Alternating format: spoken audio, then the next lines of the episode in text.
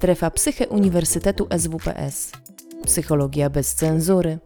Więcej merytorycznej wiedzy psychologicznej znajdziesz na psycheswps.pl oraz w kanałach naszego projektu na YouTube i Spotify. Zapraszamy. Dzień dobry, witam Państwa serdecznie na spotkaniu zorganizowanym w cyklu Dni Darwina. Jest to spotkanie, którego organizatorem jest Centrum Badań nad Biologicznymi Podstawami Funkcjonowania Społecznego, a jego organizatorem jest Polskie Towarzystwo Nauk o Człowieku i Ewolucji oraz Strefa Psyche Uniwersytetu SWPS. Ja nazywam się Joanna Flis, jestem psycholożką, psychoterapeutką i naukowczynią, a moim gościem jeszcze raz jest profesor Bogusław Pawłowski. Witam Pana, Panie Profesorze. Dzień dobry, witam serdecznie. I Pani doktor Agnieszka Żelaźniewicz. Dzień dobry. Dziś będziemy rozmawiać o ewolucyjnych zagadkach kobiecych piersi. Pan profesor jest kierownikiem Zakładu Biologii Człowieka Uniwersytetu Wrocławskiego, zajmuje się biologicznym podłożem ludzkich zachowań i preferencji, a w szczególności sygnalizacyjnym znaczeniem cech postrzeganych jako atrakcyjne. Jest autorem ponad 100 publikacji naukowych w prestiżowych pismach i pod jego redakcją ukazała się monografia pod tytułem Biologia atrakcyjności człowieka. A pani doktor Agnieszka jest pracownikiem Zakładu Biologii Człowieka Uniwersytetu Wrocławskiego również. Zajmuje się biologicznymi uwarunkowaniami zachowań człowieka, adaptacyjnym znaczeniem atrakcyjności fizycznej, a także ewolucyjnym podłożem zaburzeń zdrowia. Jest autorką ponad 30 artykułów publikowanych w międzynarodowych czasopismach naukowych i podobnie do pana profesora należy do Polskiego Towarzystwa Nauk o Człowieku i Ewolucji. Witam Państwa trzeci raz a co, nie zaszkodzi na dzisiejszym webinarze. E, zaczniemy od pytania otwierającego w takim razie o tym, o to zapytam, jak są zbudowane kobiece piersi, czy to jest szczególna cecha nas ludzi, czyli to jest unikatowa cecha naszego gatunku. Pani Agnieszka miała bliższy kontakt, bo robiła badania eksperymentalne, więc może ona zacznie od tego tematu. Na swój sposób e, jest to cecha unikatowa, ale nie aż tak bardzo, jak mogłoby nam się wydawać. Pokrótce, jak zbudowane są piersi, możemy powiedzieć, że one są zbudowane z takich czterech głównych tkanek. I tak naprawdę to, co nas najbardziej interesuje, to jest proporcja pomiędzy dwoma tkankami, tkanką gruczołową i tkanką tłuszczową. I to, co właściwie e, jest właśnie unikatowe w piersiach u kobiet, to jest to, że tej tkanki tłuszczowej mamy dużo więcej w porównaniu do innych naczelnych czy innych ssaków, właściwie od momentu dojrzewania płciowego, a nawet rozwój piersi, pojawienie się piersi, pierwsze stadia rozwoju, e, rozwoju tego wokół wieku dojrzewania płciowego poprzedzają jeszcze tą dojrzałość, e, dojrzałość gonadową, czyli to, co my rozumiemy jako takie klasyczne dojrzewanie płciowe, jako ten moment wyznaczający początek dojrzewania płciowego.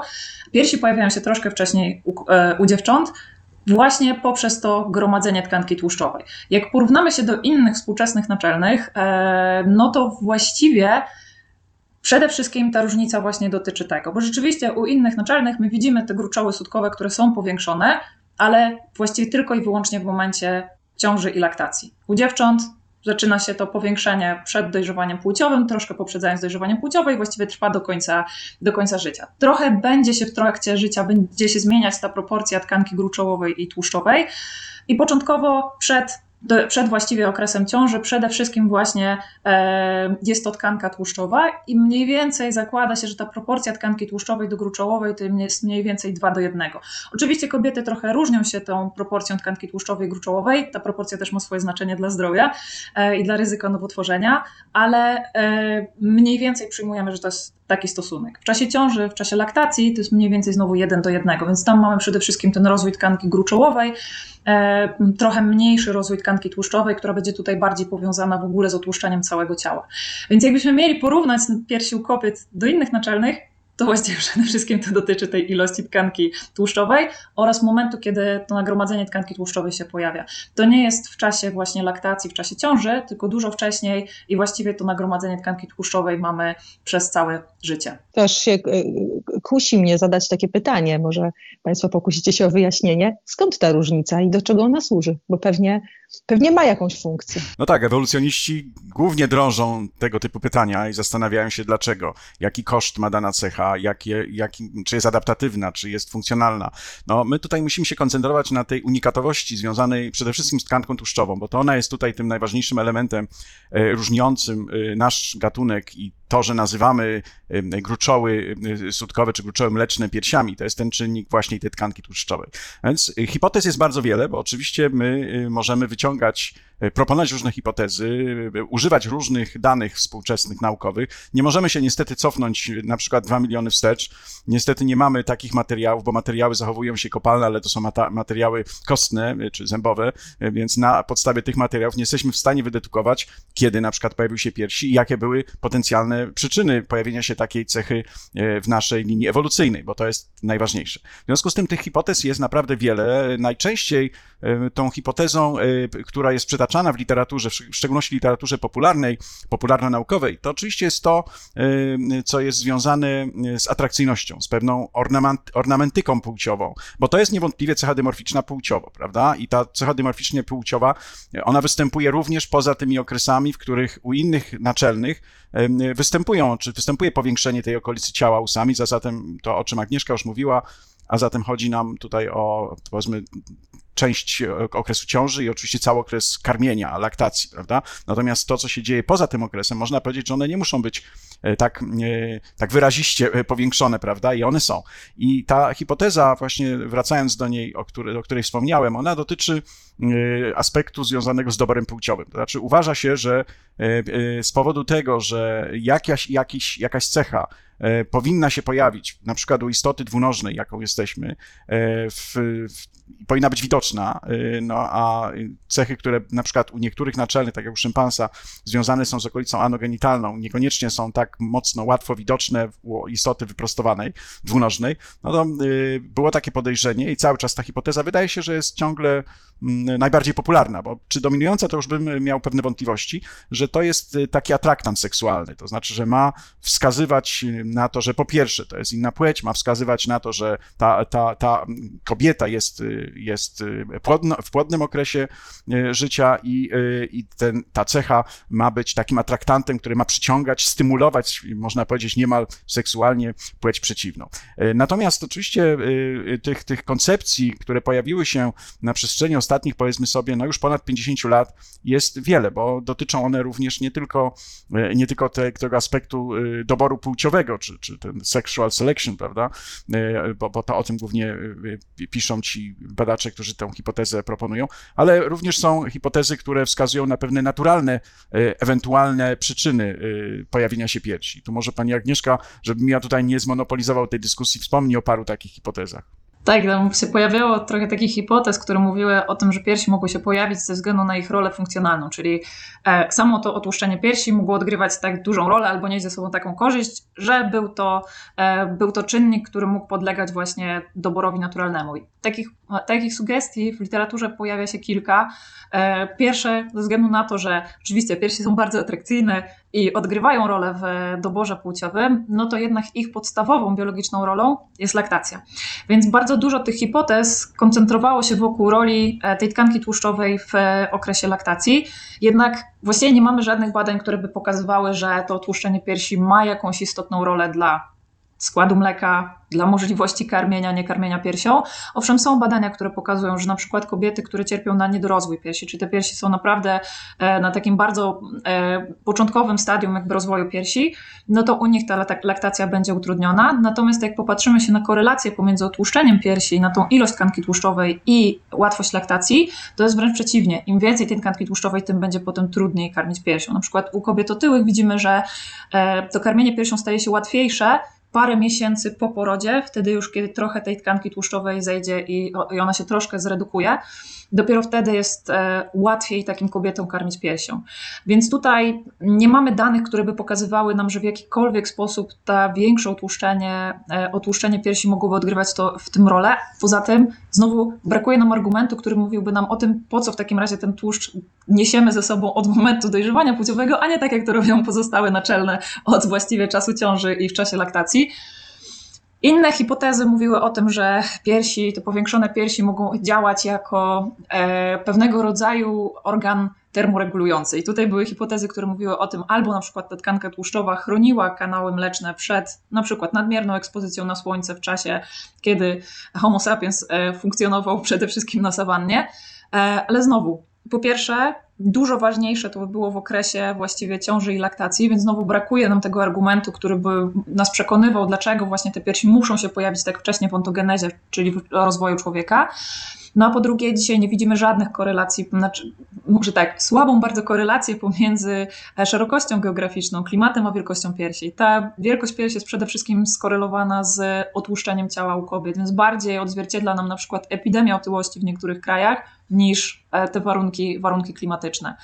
Też były hipotezy mówiące o tym, że na przykład piersi e, są taką poduszką, która pomaga podtrzymywać główkę u dziecka. My wiemy, że Homo sapiens ma dość specyficzne noworodki, które właściwie około trzeciego miesiąca są w stanie same utrzymywać główkę. Trzeba, e, trzeba mocno wspierać tą słabą, słabą, słabą mięśniówkę u dziecka początkowych etapach, no ale znowu tutaj brakuje nam tego argumentu, który by nas przekonywał, że to otłuszczenie musi się pojawić tak wcześnie. Więc takich hipotez mówiących właśnie o, o, o tym adaptacyjnej roli jest kilka. One się głównie koncentrują właśnie albo wokół laktacji, albo wokół tego jakiejś funk funkcjonalności ochronnej, dla, jaką mogłaby pełnić ta tkanka tłuszczowa, albo właśnie wspierania karmienia dziecka, podtrzymywania dziecka, ale żadna z tych hipotez nam nie tłumaczy tego, dlaczego tak wcześnie to tłuszczenie się pojawia. Tak, to jest, to jest jedna kwestia. Oczywiście tutaj wiele różnych jeszcze takich sugestii, że na przykład wiemy na podstawie danych, że ten kształt piersi u człowieka wcale nie jest taki sprzyjający e, pobieraniu mleka przez, e, przez oseska czy przez niemowlaka. E, dużo lepiej to wygląda w istocie u innych naczelnych, gdzie te, te brodawki skutkowe, one są takie wydłużone i o wiele łatwiej chyba się karmić. W związku z tym ten tłuszcz raczej może przeszkadzać i ten kształt piersi przeszkadzać niż pomagać w pobieraniu, w ssaniu przez, przez niemowlę e, mleka. W związku z tym te hipotezy, mamy wiele różnych argumentów, które są dosyć e, mało prawdopodobne. Te hipotezy, e, które no, wskazywały na taki na element doboru naturalnego, który mógłby być tym głównym czynnikiem, a nie na element doboru płciowego. No i to pewnie nie bez powodu, to są takie niszowe te koncepcje, o których tu pani Agnieszka mówiła i, i tak jak wcześniej wspomniałem, to najbardziej popularną jest ta dotycząca atrakcyjności ornamentyki płciowej, ale tutaj oczywiście mamy też wiele znak, znaków zapytania, o których na pewno będziemy za chwilę mówić i będziemy próbować no, weryfikować również tą hipotezę. No właśnie, to ja Państwu przypomnę, że możecie Państwo zadawać pytania. Ja widzę e, okienko czatu i będę przekazywała je naszym e, ekspertom. I tak sobie pomyślałam w międzyczasie, słuchając Państwa, że nie mamy zbyt wielu argumentów w pełni wyjaśniających, po co e, te piersi, szczególnie większe od mniejszych, ale mamy jednak jakieś argumenty pochodzące z przekonań, czyli możemy sobie pooglądać przekonania, które towarzyszą wielu ludziom w różnych kulturach. Myślę, że to są e, przekonania, które przynajmniej reprezentuje większość Europejczyków, mieszkańców Ameryki Północnej, o tym, że duże piersi są bardziej atrakcyjniejsze od mniejszych piersi. Nie, nie bez powodu kobiety dokonują wielu zabiegów, więc pytanie o to, czy rozmiar piersi ma znaczenie. Jeżeli, jeżeli ma, to jakie? A jeżeli e, nie ma, bo, bo tak słucham i wygląda na to, że z perspektywy biologicznej niekoniecznie, to skąd nam się wzięły takie przekonania? Gdzie jest ich początek? No tak, mamy tutaj, mm, jak się okazuje, dosyć duże zróżnicowanie, e, zróżnicowane międzypopulacyjne, ale również wewnątrz populacji. I takich badań jest trochę, chociaż chcielibyśmy, żeby ich było więcej, bo to jest dosyć kluczowe dla zrozumienia tego, czy to jest naprawdę uniwersalna cecha, to znaczy pewien, e, pewien typ, czy kształt, czy wielkość piersi jest tutaj bardzo istotny z punktu widzenia rozpatrywania przyczyny ewolucyjnej. Więc po pierwsze, okazuje się, że nie jest tak, jak myślimy w społeczeństwach zachodnich, że piersi to jest taki bezwzględny atraktant. Są takie populacje e, pierwotne, czy różne społeczeństwa tradycyjne, których jak im się o tym wspomina, to się bardzo dziwią, traktują to nawet jako pewną perwersję, to znaczy traktuje się piersi jako coś, co jest ważne z punktu widzenia no, macierzyństwa, prawda, i karmienia, a nie jako jakiś atraktant seksualny. Proszę zwrócić uwagę, że możemy mieć tu taki specyficzny podział na społeczeństwa odzieżowe i, i, i nieodzieżowe, to znaczy nie noszące ubrań zakrywających różne części. Wiemy skądinąd, że, że są takie okresy jak w średniowiecze, że jeżeli kobieta była cała niemal zasłonięta, czy powiedzmy sobie muzułmanka, to nawet ta przysłowiowa stopa czy kostka u nogi staje się atraktantem seksualnym, więc można powiedzieć, że jeżeli zasłaniamy ciało w, w dużym stopniu, to wszystkie cechy, które będą różni, różne dla obu płci, mogą stać się, akurat kostka niekoniecznie jest różna między obu płciami, może ze względu na wielkość czy, czy, czy pewne subtelne elementy, że będą mogły być postrzegane atrakcyjne seksualnie. Więc tutaj tak, mamy po pierwsze różnice międzykulturowe i to jest dla nas już ważne z, z biologicznego punktu widzenia, bo gdyby piersi były bardzo ważne z, ważnym e, czynnikiem, e, takim atraktantem seksualnym i, i, i, żeby, i gdyby to była przyczyna ewolucyjna przyczyna powstania piersi, to należałoby założyć, że ta cecha będzie uniwersalna, czyli we wszystkich populacjach, kogokolwiek nie zapytamy, czyli między, we wszystkich społeczeństwach współczesnych, współczesnych ludzi, te piersi powinny być traktowane jako coś atrakcyjnego, jako atraktant seksualny. Tymczasem niekoniecznie tak jest. I to jest już pierwszy znak zapytania co do przyczyn ewolucyjnego powstania piersi. Druga kwestia jest taka, że nawet jeżeli badamy to w obrębie populacji, to się okazuje, że mamy dosyć duże zróżnicowanie preferencji. Zresztą między populacjami tak, w niektórych populacjach, społeczeństwach preferowane są mniejsze piersi, w innych średnie, a czasami są większe. Co więcej, e, są różne badania, które wskazują, że w zależności na przykład od strategii seksualnej, między innymi to nasze badania i nasza publikacja właśnie z dr Żelaśniewicz na ten temat jest, e, to też może e, powodować różne preferencje. Na przykład mężczyźni o tak zwanej mało restrykcyjnej strategii seksualnej, czyli taka, taka strategia polegająca na tym, że ma się więcej związków, ale krótsze krótszych, powiedzmy sobie, oni mają tendencję czy preferencję do, y, do nieco większych piersi. Natomiast mężczyźni, którzy y, są y, bardziej restrykcyjni pod tym względem, czyli mają jedną, dwie partnerki w życiu, czy są no, bardziej ścisłymi monogamistami, powiedzmy sobie, raczej nie, nie gustują w dużych piersiach, prawda? To są jeszcze pewne stereotypy, które się pojawiają, oczywiście takie no, stereotypy, które są popularne, ale oczywiście nie mają potwierdzenia w badaniach naukowych, że kobiety o większych piersiach może są, nie wiem, bardziej rozwiązłe i tak dalej dalej, więc to, to o tym nie mówimy, bo to są jakieś takie pop historie, które gdzieś tam się pojawiły i, i, i niektórzy utrwalili sobie, że im bardziej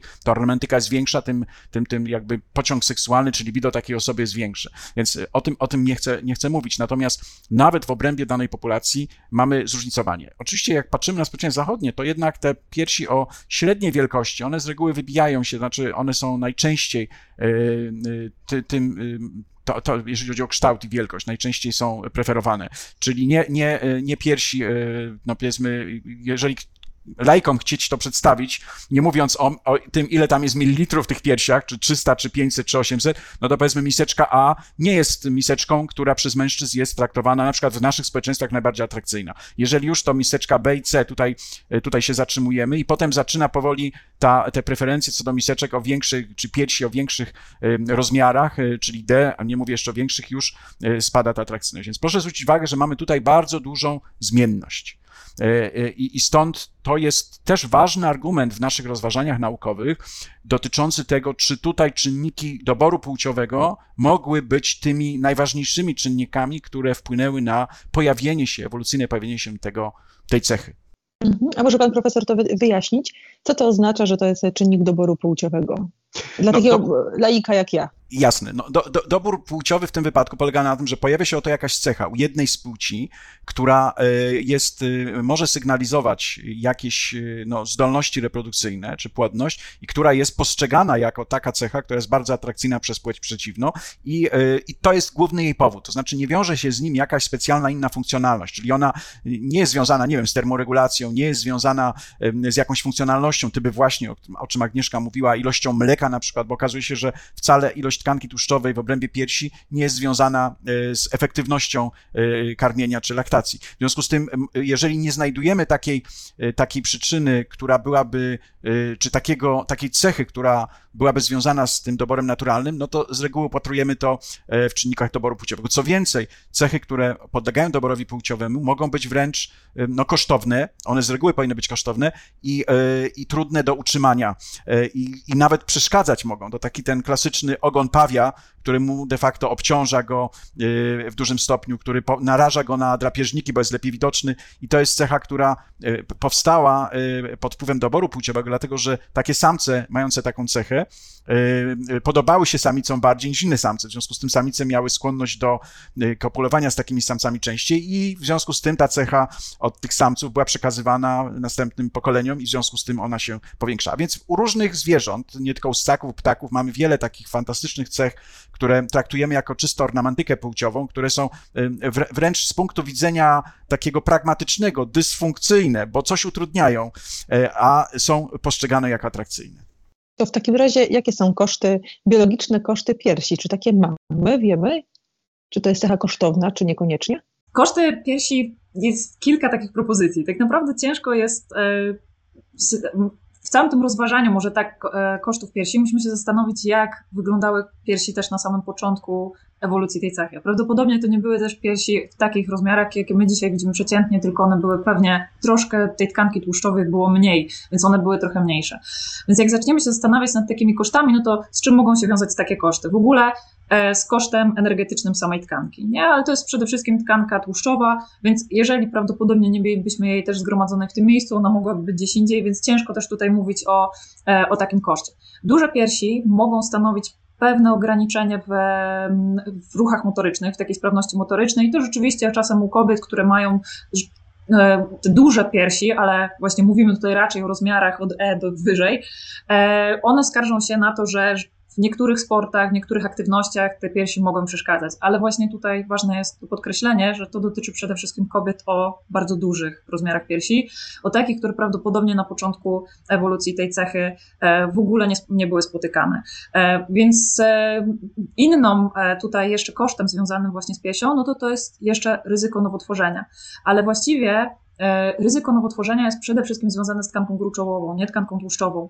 Mamy e, nowotwory, które są związane z tkanką tłuszczową, ale znowu one raczej dotyczą kobiet o bardzo dużej, e, dużym otłuszczeniu i zazwyczaj początek takiego nowotworu to jest uszkodzenie mechaniczne tkanki tłuszczowej, kiedy ona zaczyna potem nowotworzyć.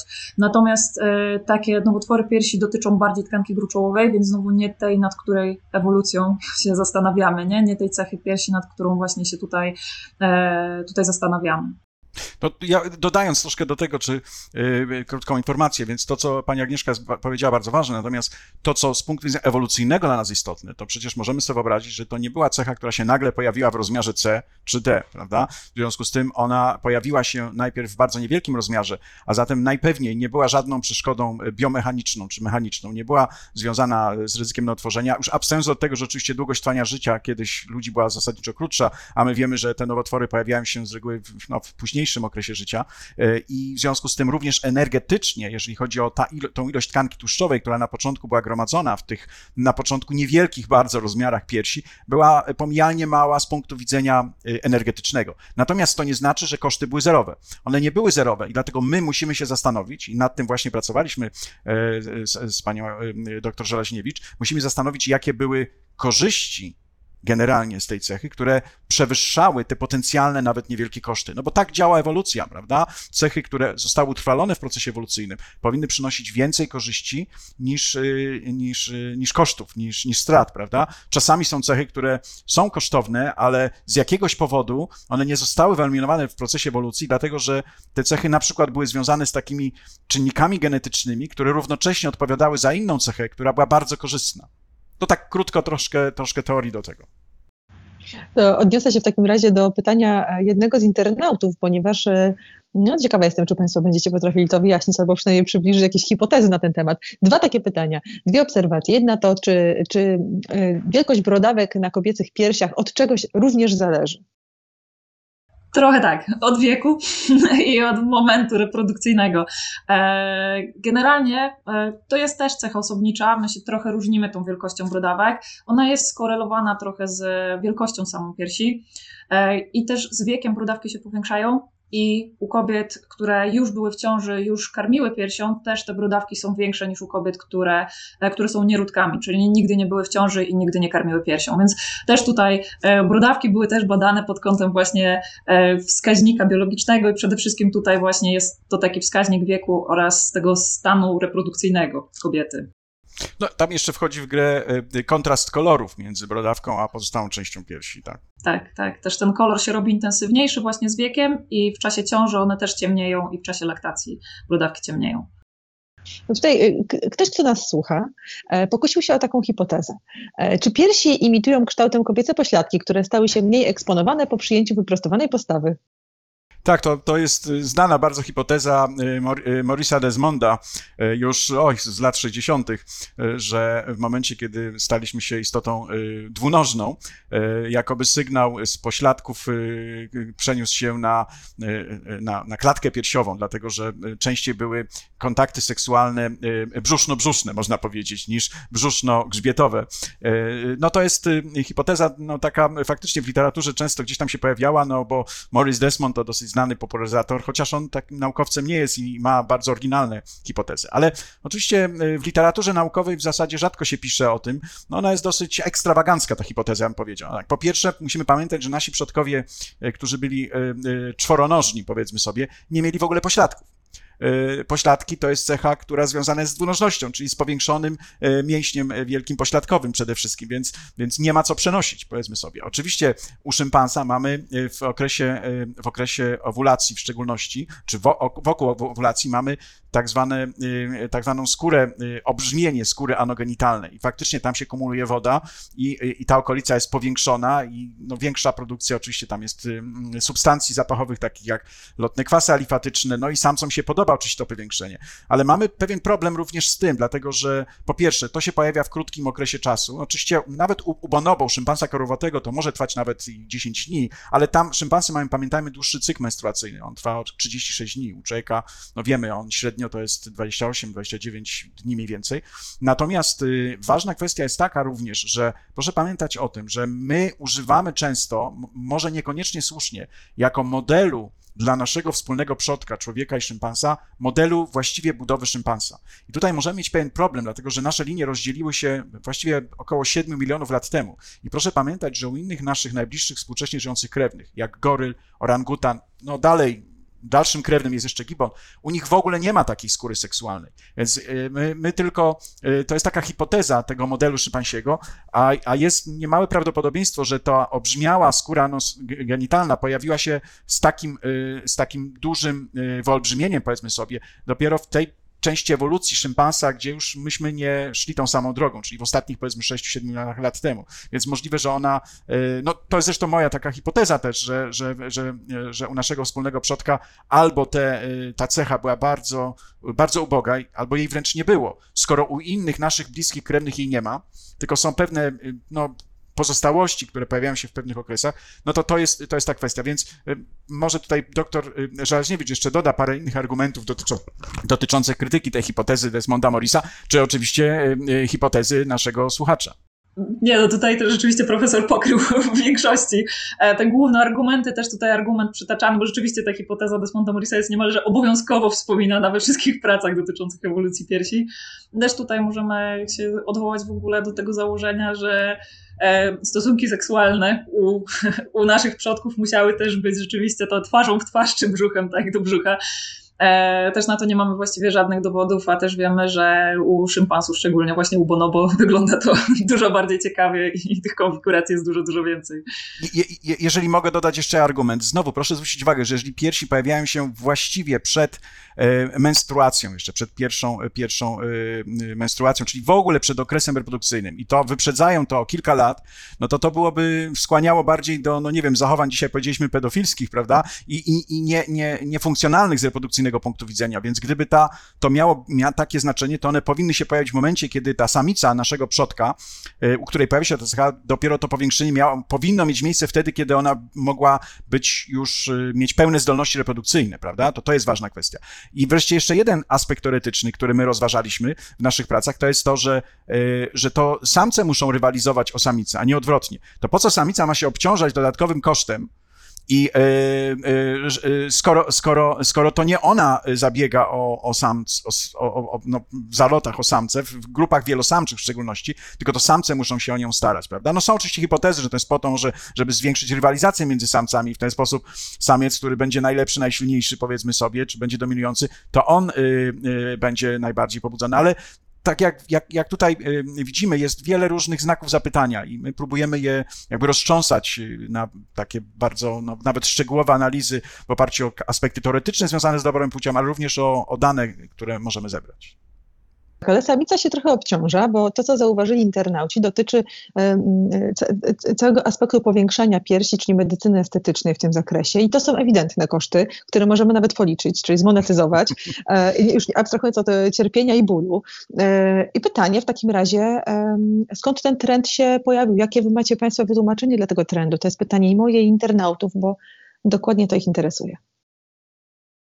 No dzisiaj już bez wątpienia piersi są cechą atrakcyjną i to jest cecha, która w krajach zachodnich szczególnie tutaj widzimy e, duże przywiązywanie uwagi do, e, do wielkości piersi i rzeczywiście to też w badaniach wychodzi, że mężczyźni są raczej zainteresowani większymi rozmiarami, ale ciekawe, co ciekawe, to są badania dotyczące zarówno przekonań kobiet o preferencjach męskich, jak i mężczyzn o preferencjach kobiet, że my się też trochę mylimy w tych naszych przekonaniach.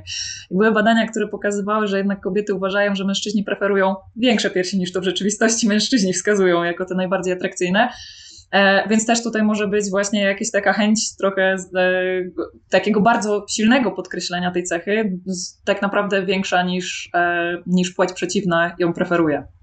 Znaczy, ja, ja bym powiedział, dodał jeszcze do tego parę kwestii takich, y, więc y, proszę pamiętać, że do tej pory my głównie zwracaliśmy uwagę na to, jaka mogła być potencjalna przyczyna. Właściwie żeśmy jeszcze do tego nie doszli. Krytykowaliśmy hipotezy, które nie mówiły. Natomiast w tej chwili mówimy o czymś innym. Mówimy o tym, co jest tu i teraz. I to co więcej, tu i teraz, y, dlaczego nie, nie tylko teraz, ale też tu? Dlatego, że mówimy o pewnych społecznościach, w których funkcjonujemy. Więc y, zgodnie z naszą hipotezą, nie będę mówił o całej jeszcze, mam nadzieję, że do niej dojdziemy, bo to chyba jest ciekawe, to jest tak, że oczywiście jak już się pojawiły te piersi i już były z jakiegoś powodu, y, znalazły się tam, gdzie się znalazły, to ta cecha została, nabyła nowych funkcjonalności, takich w aspekcie właśnie dobropłciowego. W biologii mówimy często, że została kooptowana, czyli zaadoptowana do innych funkcji. I tą drugą funkcją właśnie, o której tutaj mówimy, to jest ta funkcja właśnie e, związana z, z tą ornamentyką płciową, która jest pociągająca dla płci przeciwnej. I dlatego, e, jak tak już się stało, no to to również, nawet zapominając o tych pierwocinach, e, pierwotnych funkcjach, to pielęgnuje się niejako te cechy tej piersi, tych piersi, które są w kontekście tej kooptowanej już funkcji, czyli atrakcyjności seksualnej, przy czym proszę zwrócić uwagę, że jest tutaj pewna rywalizacja wewnątrzpłciowa również, czyli kobiety rywalizują między sobą w pewnym sensie, to często pokazywane jest w różnych takich y, y, obrazkach czy zdjęciach, jak dwie aktorki siedzą koło siebie i jedna drugiej zagląda właśnie na biust, y, podziwiając, nie wiem, bardziej symetryczny, bardziej atrakcyjny czy większy biust. A to może wynikać z tego, że mamy tutaj zwiększony również poziom rywalizacji między kobietami a mężczyzn. Dlaczego? Dlatego, że mamy duże różnice w jakości biologicznej czy w kondycji biologicznej między mężczyznami. Bo proszę zwrócić uwagę, że w społeczeństwach egalitarnych, takich tradycyjnych, różnice między mężczyznami nie są takie dramatycznie duże. To znaczy nie jest tak, że ktoś jest miliarderem, a ktoś nie potrafi wyżywić na przykład rodziny i nie jest w stanie zapewnić komfortu i bezpieczeństwa, prawda? Ale te społeczności, społeczności są inne. W związku z tym im większa jest, większe zróżnicowanie jakości potencjalnych partnerów, czy szansy na to, żeby no, spłodzić nie wiem, zdrowsze dzieci, czy żeby być, mieć opiekę lepszą w kontekście takim społeczno-ekonomicznym, no to ta rywalizacja się zwiększa. A skoro wiadomo, że mężczyźni preferują piersi o wielkości, powiedzmy sobie, miseczki C, o której mówiliśmy, no to kobiety, które mają te piersi mniejsze, no y, y, uważają, że, czy mają niektóre z nich kompleksy na tym punkcie, to uważają, że będą bardziej atrakcyjne, jeżeli będą te piersi miały w tym standardzie, który jest no, dominującym w kontekście mm, preferencji męskich. A czy piersi mają coś wspólnego z jakimiś innymi cechami dysmorficznymi płciowo? Czy możemy je powiązać w jakiś sposób z jakąś, jakimś innym obszarem naszego ciała?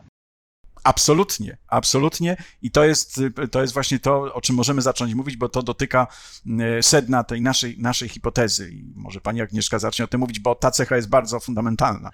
Tak, tutaj przede wszystkim to, e, i to rzeczywiście jest jakby początek, który sugerujemy, który dał piersią, no to piersi bardzo mocno są powiązane przede wszystkim z tą ilością podskórnej tkanki tłuszczowej. I to jest cecha dymorficzna płciowo, bo jak porównamy to średnio tłuszczenie ciała u mężczyzn i kobiet, to rzeczywiście kobiety mają więcej tej tkanki podskórnej, tkanki tłuszczowej podskórnej. Mężczyźni, jeżeli gromadzą tą tkankę tłuszczową, no to, e, to raczej jest to taka tkanka tłuszczowa visceralna, tak zwana, czyli ta brzuszna tkanka tłuszczowa. Te różnice mają podłoże hormonalne. Rzeczywiście to, e, to utłuszczenie podskórne, ono jest bardzo mocno promowane przez estradiol, czyli ten główny hormon żeński. Znowu to otłuszczenie brzuszne męskie jest bardziej powiązane z androgenami. Akurat tutaj ze spadkiem bardziej androgenów niż samymi wysokimi poziomami androgenów, ale, e, ale, ale też widzimy tutaj to, to, to podłoże hormonalne. I faktycznie Wydaje się i sugerujemy, że piersi pojawiły się wtedy, zaczyna, jak to podłoże i możliwość w ogóle pojawienia się tego tłuszczenia piersi pojawiła się wtedy, kiedy zaczynaliśmy gromadzić trochę więcej tej tkanki tłuszczowej podskórnej. Co znowu mogło być powiązane z kilkoma innymi zmianami ewolucyjnymi, e, między innymi właśnie ze zmianami klimatycznymi, z tym, że zaczęliśmy tracić owłosienie ciała e, i tutaj zaczynała się pojawiać ta większa potrzeba e, termoizolacji, która znowu ta większa potrzeba termoizolacji była bardzo mocno powiązana z szansą na przeżycie, czyli właśnie tutaj to była cecha bardzo adaptacyjna, znacząco wpływająca na nasze przeżycie, a przez to, że mieliśmy potencjał w obrębie gruczołów sutkowych do tego, żeby tam pojawiało się to większe otłuszczenie, tak jak prawdopodobnie to było właśnie u naszych przodków, tylko w okresie ciąży i laktacji. Tam się znajduje trochę większe nagromadzenie receptorów dla właśnie hormonów żeńskich, które promują to odkładanie tkanki tłuszczowej. No to przy zwiększającej się ilości otłuszczenia, tam to tłuszczenie gromadziło się w trochę większym stopniu niż w pozostałych częściach ciała. Tak, czyli, czyli jakby fundamentem naszej koncepcji, e, zresztą są też e, inni, którzy może zwracali na tego typu potencjalną przyczynę, natomiast może nie zajmowali się mechanizmem, jak to się działo, to jest to, że y, nastąpił niewątpliwie najważniejszy czynnik i ten czynnik selekcyjny był związany y, z, z doborem naturalnym tak zwanym, z tą funkcjonalnością, to był wzrost ilości tkanki y, podskórnej, tłuszczowej u samic, powiedzmy sobie, gdzieś tam w, u któregoś z naszych przodków, prawda? I to było bardzo ważne, bo proszę pamiętać, że mieliśmy duży dymorfizm płciowy wielkości ciała na początku, on się trochę zmie, zmie, zmienił, ale mniej mniejsza była kobieta, tym była bardziej narażona na przykład na chłód, na przykład y, na zimne noce, chłód w zimnych nocy i tak dalej, nawet, nawet w strefie tropikalnej. Y, z drugiej strony y, sezonowe niedobory pokarmu były też problemem, bo to nie było tak, że kiedyś mieliśmy taki dobrobyt jak dzisiaj. W związku z tym kobiety, które mogły zmagazynować trochę energii w postaci podskórnej tkanki tłuszczowej, ta energia mogła być wykorzystana w czasie dodatkowych kosztów energetycznych ponoszonych przez kobiety w czasie ciąży i w czasie laktacji. Czyli to były te czynniki, ciekawe, że u mężczyzn nie mamy tej dużej ilości podskórnej tkanki tłuszczowej. No znowu, skoncentrujmy się na społeczeństwach takich tradycyjnych, pierwotnych, bo dzisiaj mężczyźni też mogą być otłuszczeni oczywiście, ale to jest, to, to jest coś, co nie możemy używać tego modelu, prawda, do, do modelu y, naszej przyszłości ewolucyjnej. I w związku z tym nagle dochodzi do również zwiększonego otłuszczenia pewnych okolic ciała, w których, tak jak pani Agnieszka powiedziała, było dużo receptorów estrogenowych, a zatem od, y, okolica pośladków i ud, czyli tam, gdzie było tych, tych, tych receptorów dużo, bo tam, prawda, u szympansa czy innych, no to jest związane oczywiście chociażby z tą skórą genitalną, anogenitalną, a tutaj z drugiej strony w obrębie oczywiście klatki piersiowej, w obrębie gruczołów mlecznych. I to spowodowało, że tam ten tłuszcz również się odłożył i możliwe, że z powodu większej gęstości tych receptorów odłożył się w trochę większej ilości. I nagle stał się dosyć widoczny, prawda, na początku w niewielkim stopniu, a potem ta ewolucja oczywiście trwała. Czyli to jest jakby z naszego punktu widzenia główny czynnik, czyli faktycznie on ma charakter funkcjonalny, ale same piersi e, byłyby skutkiem ubocznym niejako wzrostu podskórnej ilości tkanki tłuszczowej u naszych przodki. Która, który, ten, który to wzrost był e, atrakcyjny, bo, bo gwarantował przetrwanie, tak? Czyli... Przede wszystkim gwarantował przetrwanie, więc jakby tutaj najważniejsza kwestia jest ta kwestia, kwestia adaptacyjna, czyli zwiększenie właśnie dostosowania. Tak, tak, bo proszę zwrócić uwagę, że kobiety, które miały tą poskroloną tkanką tłuszczową i przy okazji nieco powiększone piersi, one y, y, powiedzmy sobie, rzadziej roniły, czy ich dzieci przeżywały, bo miały, miały wystarczająco energii, żeby wykarmić te dzieci. I okazuje się, że mężczyźni, którym się takie kobiety podobały, czy mieli związek, czyli no, dzieci z takimi kobietami, mieli większy sukces reprodukcyjny. W związku z tym zaczyna się powoli, stopniowo utrwalać ta preferencja. Dlatego, że ci, którzy tej cechy nie preferowali, e, no, e, pozostawiali mniej potomstwa ze względów na to, że ta cecha bardzo ważna. Zresztą my dzisiaj również wiemy, że ilość podskórnej tkanki tłuszczowej u kobiety jest skorelowana dodatnio z ilością tkanki e, tłuszczowej u noworodka. A to jest bardzo ważne, bo noworodki są małe i one są mocno narażone na e, hypotermię, czyli na nadmierne ochłodzenie ciała i na ryzyko śmierci wręcz. Więc nawet dzisiaj, jak wiemy, zakłada się na główki noworodkom e, jakieś czapeczki i tak dalej, bo to jest też miejsce, gdzie ucieka dużo, dużo ciepła. I, I proszę pamiętać, że u noworodków czy u niemowląt ta termooptymalna temperatura to jest nie tak jak u nas, powiedzmy, wystarczy 26,7, możemy nago sobie funkcjonować i mamy zbilansowaną tą, te procesy termoregulacyjne. Tam to jest 32-33 stopnie. A tkanka tłuszczowa noworodka, a wiemy, że człowiek e, i świnka morska, co ciekawe, jeżeli chodzi o lądowe ssaki, to są jedyne gatunki, u których mamy w momencie urodzenia tak dużo e, tkanki podskórnej tłuszczowej, nawet ponad 20-25%. Rozumiem, czyli nie, nie chodziło na opiersi, tylko chodziło o tkankę tłuszczową, a piersi są trochę efektem ubocznym tak, całej tej no. historii. Od razu mi przychodzi do głowy takie pytanie o to co, to, co w takim razie się stało po drodze, że w tej chwili mamy taki kanon y, piękna oparty na szczupłej bardzo, wręcz często wychudzonej sylwetce, plus y, obfite piersi. Tutaj pewnie, pewnie jest co najmniej kilka czynników, które, które za to odpowiadają, bo też pytanie, czy rzeczywiście ten kanon jest wychudzona sylwetka i, e, i, i duże piersi, bo właściwie tego też aż tak skrajnie, jak często jest to przedstawiane w mediach, na przykład tak, szczególnie lata 90., to były takie lata, gdzie ta sylwetka tak wyglądała, e, to w badaniach aż tak bardzo nie wychodzi. Czyli mężczyźni rzeczywiście preferują większe piersi, ale też ta super taka wyszczuplona sylwetka wcale nie jest bardzo atrakcyjna.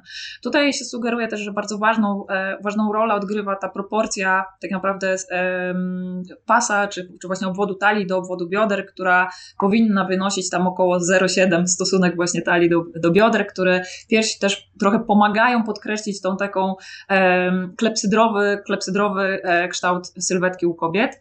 E, I może to sugerować właśnie, że tak naprawdę dużo bardziej nas interesuje ta taka sylwetka kobiety, która by wskazywała na relatywnie młody wiek, jeszcze brak ciąż, e, ale jednocześnie właśnie trochę te większe piersi, które w pewnym momencie na pewno zostały kooptowane, właśnie w pewnym momencie zaczęły być e, wykorzystywane wręcz jako wskaźnik właśnie wieku, jako wskaźnik lepszego odżywienia, bo to też badania pokazują, że na przykład w populacjach, gdzie mamy e, jakieś ograniczenia żywnościowe, też mężczyźni będą preferowali trochę większe piersi, ale prawdopodobnie trochę znowu, dlatego że one też korelują nam właśnie z tym otłuszczeniem ciała, bo to też dzisiaj widzimy, nie, że wielkość piersi jest skorelowana z otłuszczeniem, e, z otłuszczeniem ciała i szczególnie to widać u kobiet, które mają trochę mniej tej tkanki tłuszczowej.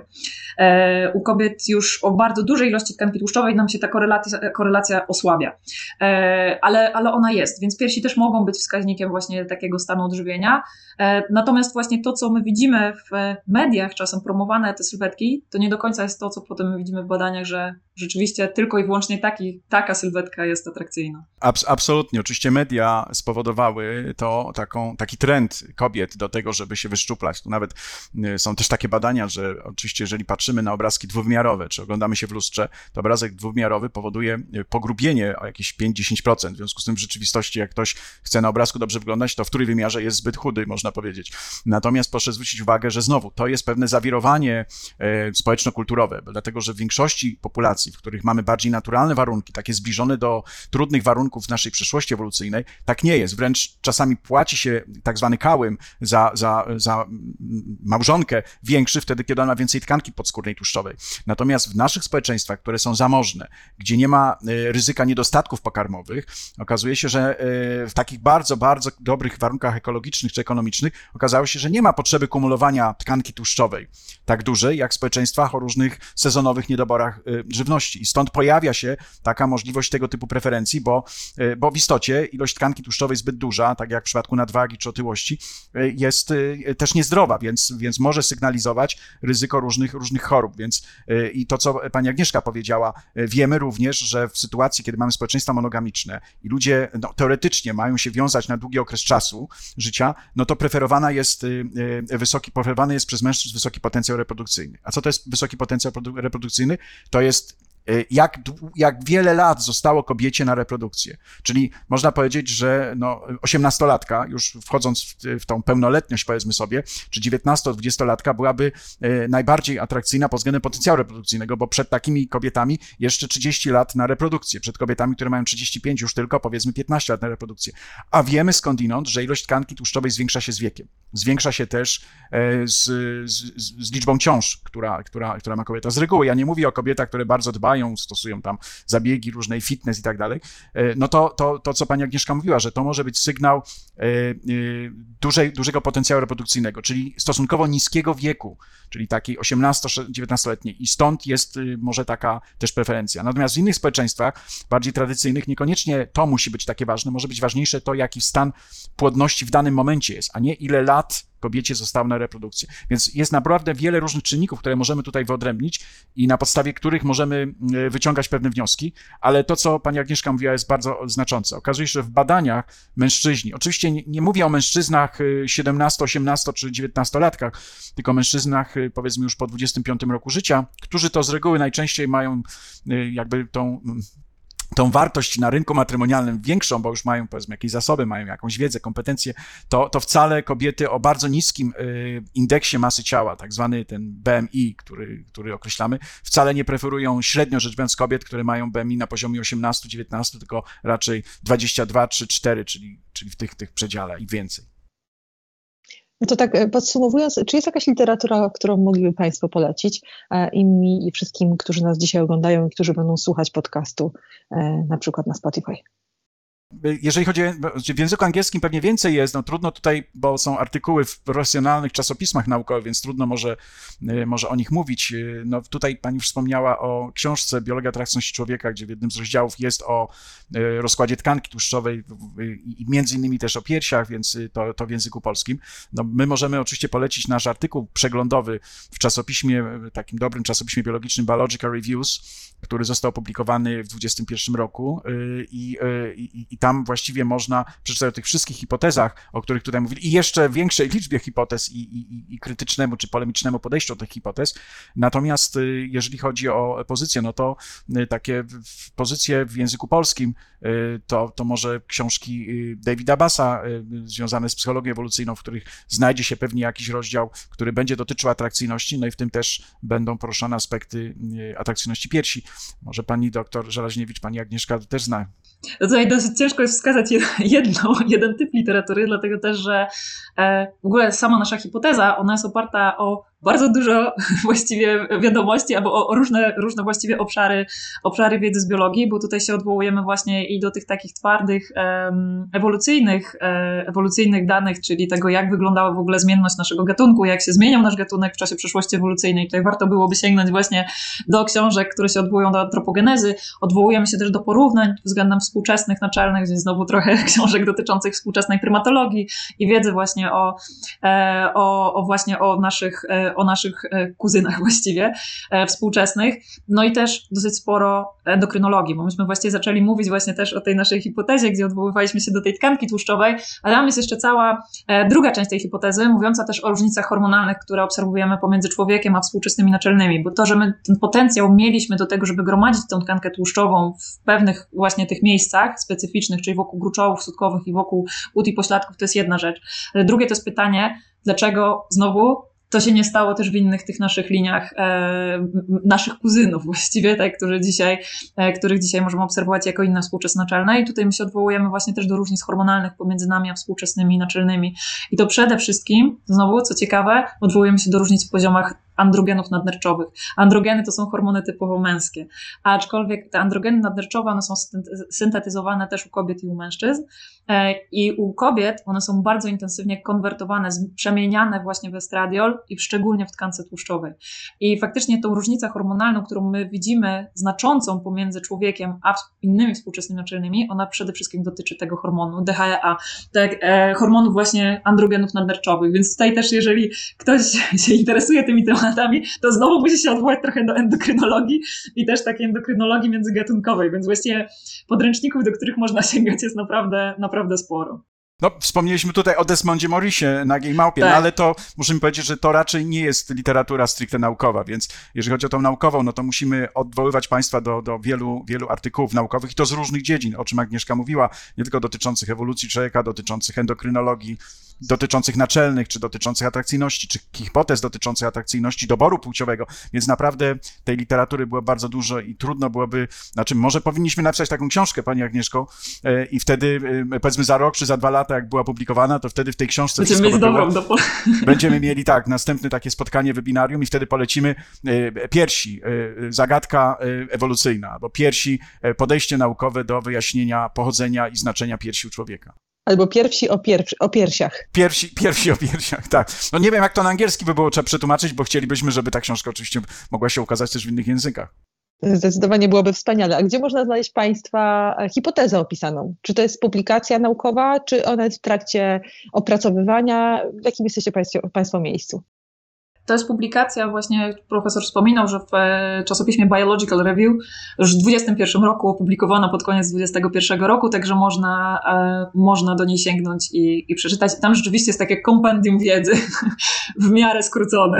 Bo tam też są referencje, czyli jest cała bibliografia i tam odwołujemy się też do innych naszych artykułów, do, do artykułów opartych na bardzo ciekawej pracy doktorskiej e, pani, pani Agnieszki, czy do moich wcześniejszych artykułów, gdzie tam też pojawiły się tego typu elementy, więc więc jeżeli weźmie się tą przegląd, ten przeglądowy artykuł, to tam jest setki, może setki, ja dokładnie pamiętaj, ale tam chyba kilkaset jest litera, pozycji literatury, z której można korzystać, żeby w jakimś aspekcie, na przykład dotyczącym zróżnicowania wielkości piersi na świecie, dotyczącym zróżnicowania atrakcyjności w różnych populacjach, dotyczących różnic między człowiekiem i innymi naczelnymi, na przykład szympansem. Więc to jest dosyć duży artykuł, dlatego on jest przeglądowy, tylko że on jest nie tylko przeglądowy. To jest artykuł, który jest przeglądowy z nową koncepcją i my na to zwracamy uwagę, bo to pismo jest, mm, e, no ono jest bardzo prestiżowe i tam e, właściwie publikowane są e, nie, nie, nie, nie chociaż nazywa się Biological Reviews, ale te, te artykuły przeglądowe muszą wnosić coś nowego, czyli właściwie każdy artykuł również musi zaproponować, w każdym artykule autorzy muszą zaproponować nową koncepcję, nową ideę, czy, czy nowe podłoże teoretyczne jakiegoś zagadnienia czego Państwu e, życzę i gratuluję, bo to ogrom pracy i determinacji. Kto kiedykolwiek pisał jakikolwiek e, materiał naukowy, ten wie, e, że w ilości cytowań można rzeczywiście utonąć. I bardzo Państwu gratuluję i niezmiernie jestem dumna, że w naszym kraju dzieją się takie rzeczy i powstają takie koncepty i musimy mówić o tym głośno i, dum, i dumą, i otwarcie. Moimi gośćmi był profesor Bogusław Pawłowski i doktor Agnieszka Żeleźniewicz. Ja Państwa zapraszam do słuchania Strefy Psyche Uniwersytetu SWPS. Dzisiaj spotykamy się e, właśnie w cyklu Dni Darwina organizowanym przez Centrum Badań nad Biologicznymi Podstawami Funkcjonowania Społecznego. E, Polskie Towarzystwo Nauk o Człowieku i Ewolucji i Strefa Psyche Uniwersytetu SWPS pokusiły się o stworzenie dla Państwa takich Dni Darwina. Ja się z Państwem spotykam jeszcze e, dwukrotnie w tym cyklu. Dziękuję Państwu za wszystkie wyczerpujące pytania, a moim gościom za wyczerpujące odpowiedzi odpowiedzi. Dziękujemy pięknie.